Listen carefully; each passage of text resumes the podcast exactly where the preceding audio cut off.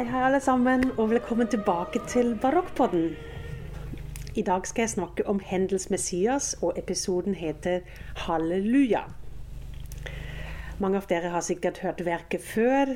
Kanskje dere har spilt det før, eller kanskje selv sunget Hendels Messias før. For i Norge finnes det utrolig mange kor, nemlig.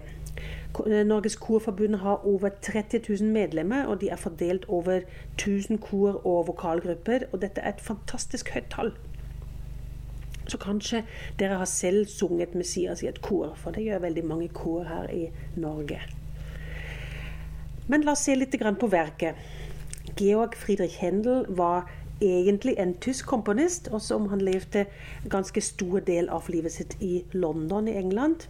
Men han er altså født i Halle i Tyskland. Det var i 1685. Og dette er som kjent det samme år som Johan Sebastian Bach. Händel var kanskje den første virkelig internasjonale musikkstjernen. Og han hadde da altså en formidabel internasjonal karriere. Både som organist, cembalist, fiolinist komponist og etter hvert også som musikkmanager, for han eide også sitt eget operakompani i London. Men i dag møter vi ham altså på et kritisk punkt i hans karriere. Han hadde da levd i London siden 1712, hadde skrevet over 40 operaer, tenker seg, for London-teatrene. Um, og hadde tjent utrolig mye penger i dette. Men nå er året blitt 1741, og Hendels karriere er på et historisk lavpunkt. Um, han var altså den tyskeren som hadde gjort karriere i England for å skrive italienske operaer. Det er ganske spesielt allerede, dette. Men nå må han innse at London-publikum ville ha noe nytt. Hans operakompani, som han eide selv, den hadde gått konk igjen. Dette var vel tredje gang nå. Og etter mange års suksess som operakomponist hadde hans siste opera vært et fiasko. Og Attpåtil hadde han helseproblemer, han hadde hatt slag. Og um, han ser at hans italienske opera ikke faller godt i smak lenger det publikum, men derimot hans engelske oratorier, f.eks. Saul, eller de kaller vel Saul på engelsk, eh, de ble godt tatt imot. Kanskje de var mer forståelige for menneskene, jeg vet ikke. Men um, Så han lurer på kanskje han skal konsentrere seg litt mer om oratoriumskriving. La oss se litt på hva er egentlig et oratorium. Det er en av de mange barokke oppfinnelsene, nemlig. Det ligner faktisk ganske mye på en opera. Den har også en overtyre, den har arier, den har recitativer, den har kornumre. Men den har altså gjerne en bibelsk handling og ofte en seriøs og alvorlig karakter. Som f.eks. Bars juleoratorium. Men da må det sies også med en gang at dette er egentlig en, en spesialtilfelle, for Bars juleoratorium er jo egentlig seks eh, atskilte kantater som er skrevet for seks søndager. Så den er litt spesielt. Um, men det fins mange oratorium eh, oratorier av Scarlatti også, og inn i romantikken også av Mendelssohn, Berlioz og, og mange flere. Um, og så har Et oratorium har jo ikke kostymer og regi. Den har ikke en, eh, en, handling som ble spilt som en opera. Så da er det gjerne man trenger en forteller. Så dette blir en ny rolle i et oratorium. Et oratorium har også gjerne flere kornumre, så den um, har ofte mye å gjøre for et kor. Jeg skal snakke litt mer om det etterpå.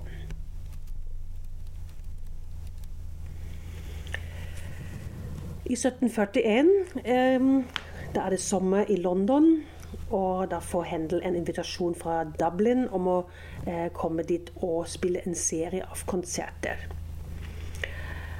Og librettisten til Messias er en eh, rik gentleman. Han heter Charles Jennens, og han levde på landet sitt rike gentlemansliv eh, med sin musikksamling og sin kunstsamling. Og han hadde allerede tidligere forsynt eh, Händel med libretti, eh, forresten alltid gratis. og og også alltid anonymt. Og for ham har vi et brev hvor han skriver Jeg håper Hendel lar seg overtale og bruke hele sitt geni og sin iver, slik at dette verket blir større enn alle andre verk han har skapt hittil. Fordi også temaet er større enn alle andre Messias. Men Jennings var kanskje ikke så kjent for sin beskjedenhet, for han klaget også over, over verket som Hendel hadde skrevet. Han skrev på et annet sted. Hendel har riktignok skrevet et fine entertainment, men det er ikke gjort så bra som han kunne eller burde ha gjort. Jeg har hatt store problemer med å få ham til å korrigere de største feilene i komposisjonen. Ja da, Jennings. Frisk satsing her å kritisere Hendel. Um, fakt er i hvert fall at Hendels Messias ble skrevet i utrolige 24 dager, og dette er et verk av eh, Partituret er 259 siders musikk, og det er til sammen 59 numre. Så det betyr at han har altså skrevet to numre hver dag. Eh, men det skal sies at for det første brukte han ganske mye recycling. Han hadde noen duetter ferdig allerede. Jeg skal se litt på det etterpå. Og det var også um, for ham egentlig ikke et uvanlig arbeidstempo. Han skrev veldig mange av hans opera, også i et ganske forrykkende tempo. Og hvis vi ser f.eks. Johan Sebastian Bach. Han, uh, I sin Leipzig-tid så, så både komponerte innstuderte og framførte han jo en, en Bach-kantat av veldig veldig høy, høyt nivå hver uke i helligdagene til og med flere kantater. Så dette var bare gutter boys som kunne sitt håndverk så innmari godt. Så for ham var det um, et vanlig, hurtig, um, kreativt arbeidstempo. Men er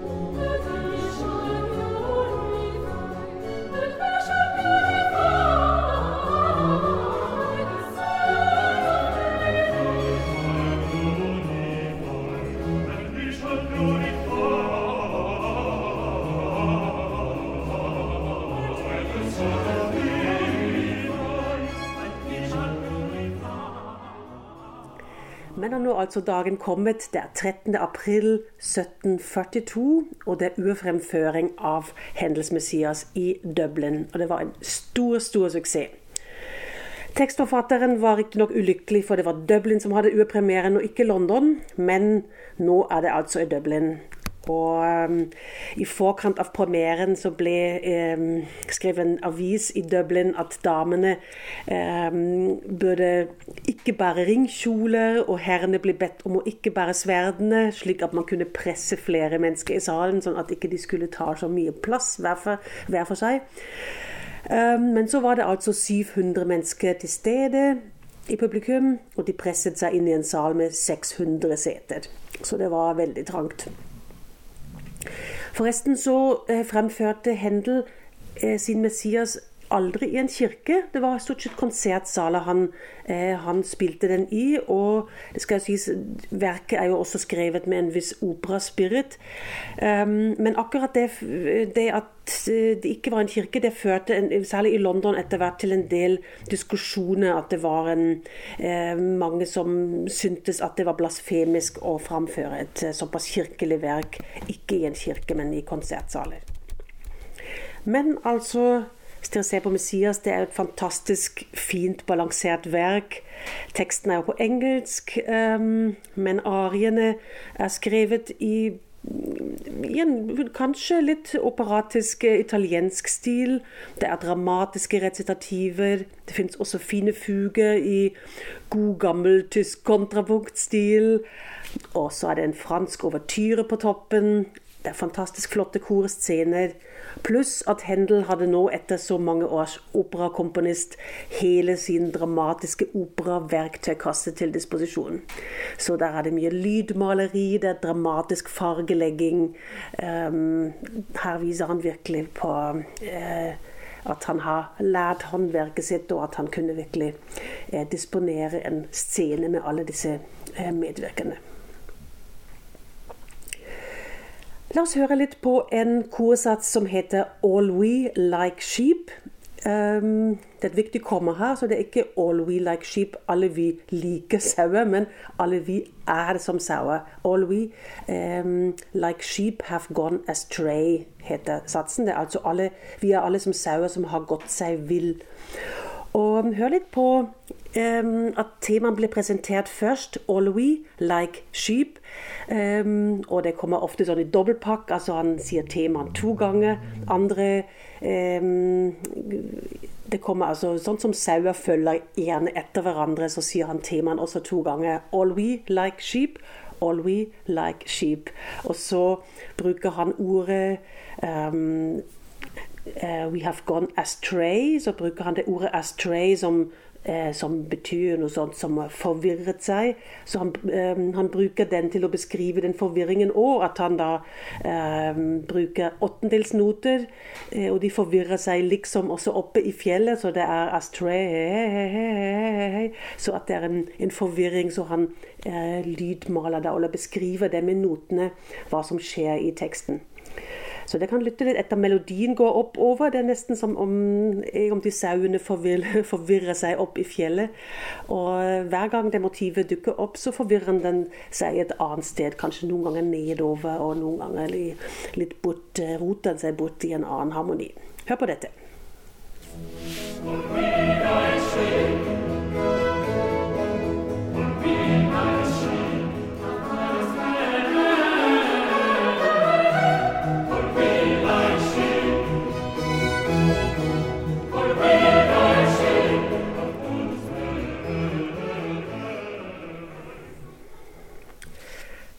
England startet en tradisjon etter hvert med å spille Messias i en veldig stor besetning allerede fra 1770-årene. Eh, og vi vet fra 80-årene at det er en, en fremføring med over 500 medvirkende. Og det nådde en, en, første store topp. I 1791 var det en framføring eh, hvor det var 1068 medvirkende i London. Og der var det en begeistret Josef Heiden på London-tur også i salen. Og det hele toppet seg 100 år seinere, altså 1883. Da er vi altså på slutten av romantikken. Og da fant det i Crystal Palace i London en fantastisk, gigantisk mammutforestillingssted med hele 500 i orkesteret, 4000 sangere i koret og over 87 000 i publikum. Så det var litt av et halleluja, kan dere tenke dere. Mens i dag er det nok mest vanlig at man eh, i profesjonelle sammenhenger spiller kanskje 40-60 musikere, altså orkester og korsangere til sammen. Um, altså i hvert fall hvis vi snakker om um, historisk informert fremføringspraksis. Men det som er spesielt òg, at um, Hendels Messias uh, ble egentlig spilt um, rett videre um, 1700-1800-tallet. Uh, den kom veldig fort til Italia. 1768 ble den spilt i Firenze, da på italiensk og med kun mannlige sangere. Så den ble alltid tilpasset til den lokale smaken. Uh, like etter var den i Hamburg, like etter i Berlin, og da var det selveste Carl Philip Emanuel Bach som hadde den fremføringen, og da var den på tysk, for det også var en del av smaken som gjaldt. Og like etter Mannheim. Og så skjedde det at 1789 eh, Mozart eh, skrev sin egen versjon da, av eh, Hendels Messias. Så han omarbeidet den litt. Han la til klarinetter. Han, den var igjen på tysk med en annen tekst.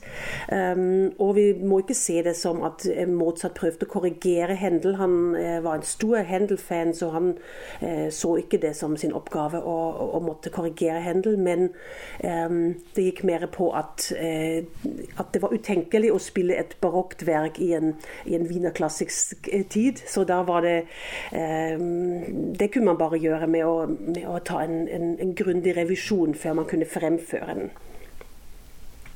Og Interessant syns jeg også at um, allerede fra 1770-årene eh, nådde Hendels Messias USA. Så den ble spilt der i Boston, i New York, i Philadelphia. Og denne seiersturen over ja, store deler av verden viser jo at verket må ha gjort enormt inntrykk på de menneskene som hørte det. Men jeg syns det er litt interessant òg at, eh, at, et land ser ut som de ikke likte Hendel, og det var Frankrike. For Frankrike spilte sin første Messias først i 1873. Da var det over 100 år etter, etter Hendels død. Og jeg vet også at Berlioz kalte Hendel for en haug av svinekjøtt og øl. Så jeg vet ikke hvordan det henger sammen med at, at frank, franskmennene så ut som ikke, at de ikke likte Hendel. Så det er litt interessant. Men altså den store seiersturen som jeg nevnte, det er nok um, Grunnen til den er nok bl.a. det veldig berømte hallelujakoret.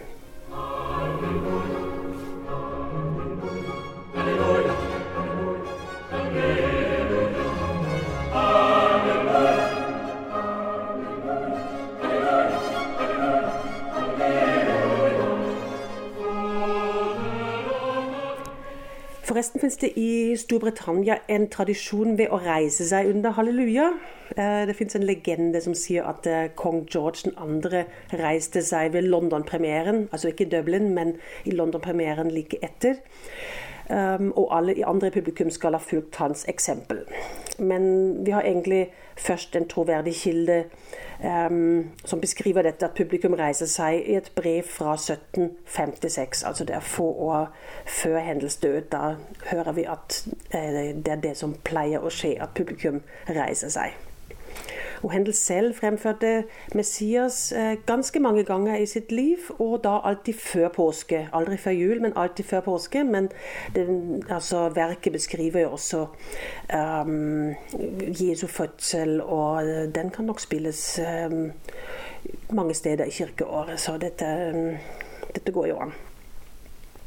Og Hendel selv han har også eh, gjort en stor tilrettelegging hver gang han har fremført den. Noen ganger ble nummeret tatt inn og ut, og rekkefølgen ble endret. Dette var jo vanlig for eh, at man måtte tilpasse den for, eh, for, de sangene han hadde tilgjengelig, eller for, for de lokalitetene han hadde der.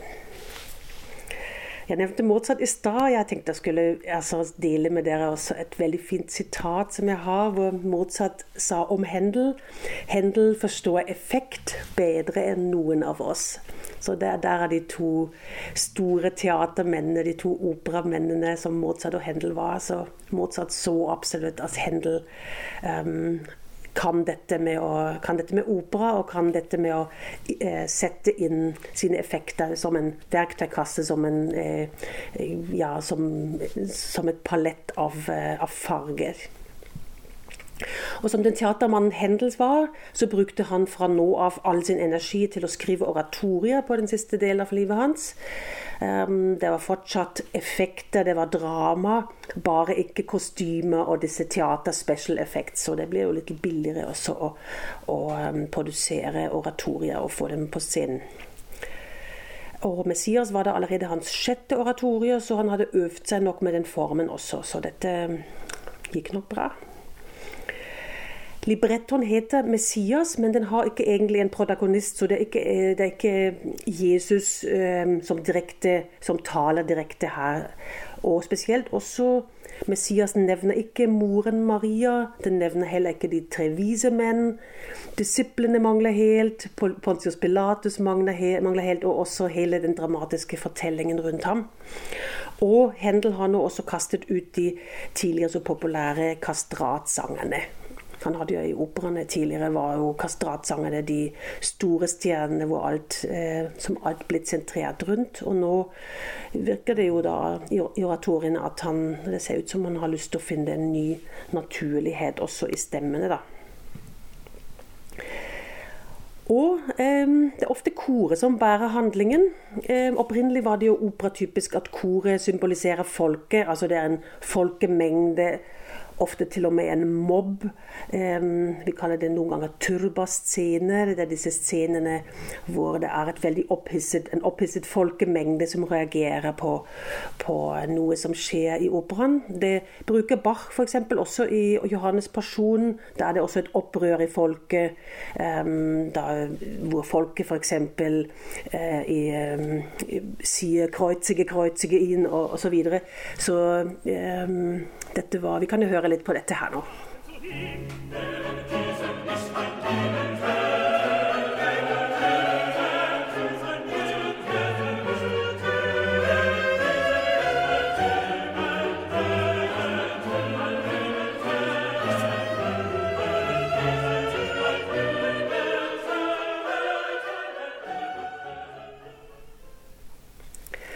Men Händel bruker korsynet nå i Messias ofte til refleksjon.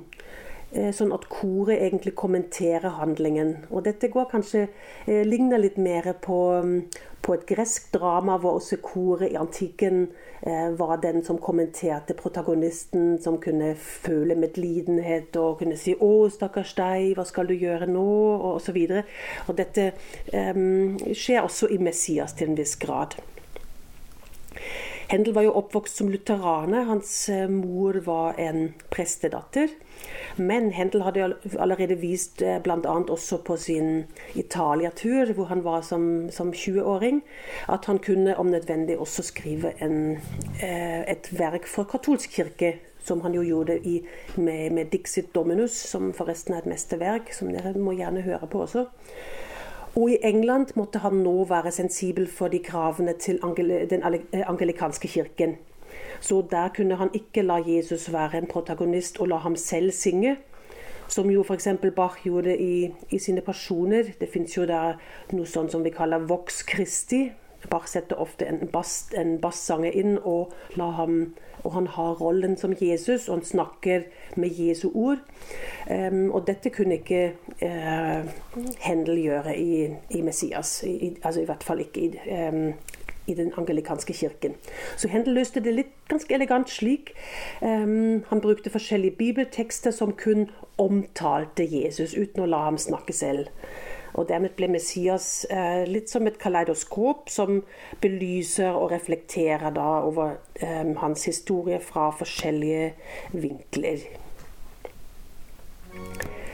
Litt om recyclingen. Jeg syns det er spennende. Dere hører i bakgrunnen her 'For Us A Child Is Born', veldig berømt korsats. Og den er egentlig eh, omskrevet fra duetten som heter 'No de voi non voi eh, vofidarmi'. Og det heter på norsk 'Nei, jeg skal aldri stole på deg'. Og den ble altså til 'For unto us a child is born'. Og også den korsatsen vi tidligere hørte, som, eh, som, heter 'All We Like Sheep', den er også tatt fra denne duetten. Og det er jo pussig å høre hvordan det høres ut som den teksten eh, passer perfekt til begge, eh, begge temaene. Og også den korsatsen her som heter 'His yoke is easy'. Den var opprinnelig duetten 'Quel fjord ke al albaride', som er på norsk 'Hvilken blomst som ler ved daggry'. Den ble altså til 'His yoke is easy'. Jeg skal sette begge disse eksemplene også på Barokkpoddens spilleliste for dere. Um, I begge de variantene. Det er jo um, Jeg har laget en spilleliste uh, for denne fjerde episoden om korsatsene i Messias. Så det er jo pussig. Som duetter er, disse, er, den musikken helt ukjent og ganske sjelden spilt, men korsatsene over den samme musikken er jo verdenskjente. Ja, folkens. Dette var fjerde episode av podkasten Barokkpodden. Og i dag har jeg snakket om Hendels Messias, som jo er et interessant mesterverk. Og den er så lang og så rikholdig at um, jeg kan sikkert kanskje seinere komme tilbake til den og snakke om arier og sånn også, men i dag tenkte jeg skulle snakke litt om korsatsen i all hovedsak. Ja, kanskje dere er enig også med en fyr som het Benjamin Victor, som sa i 1752 at han skulle med glede ri på hest 40 miles in wind and rain to be present at the performance of the Messiah in London. Ja, hva syns dere? Hadde dere også gjort det? Ri på hest en lang vei i wind and rain? Ja, i så fall ses vi kanskje på en Messias-forestilling en eller annen dag. Jeg håper vi høres. Ha det bra.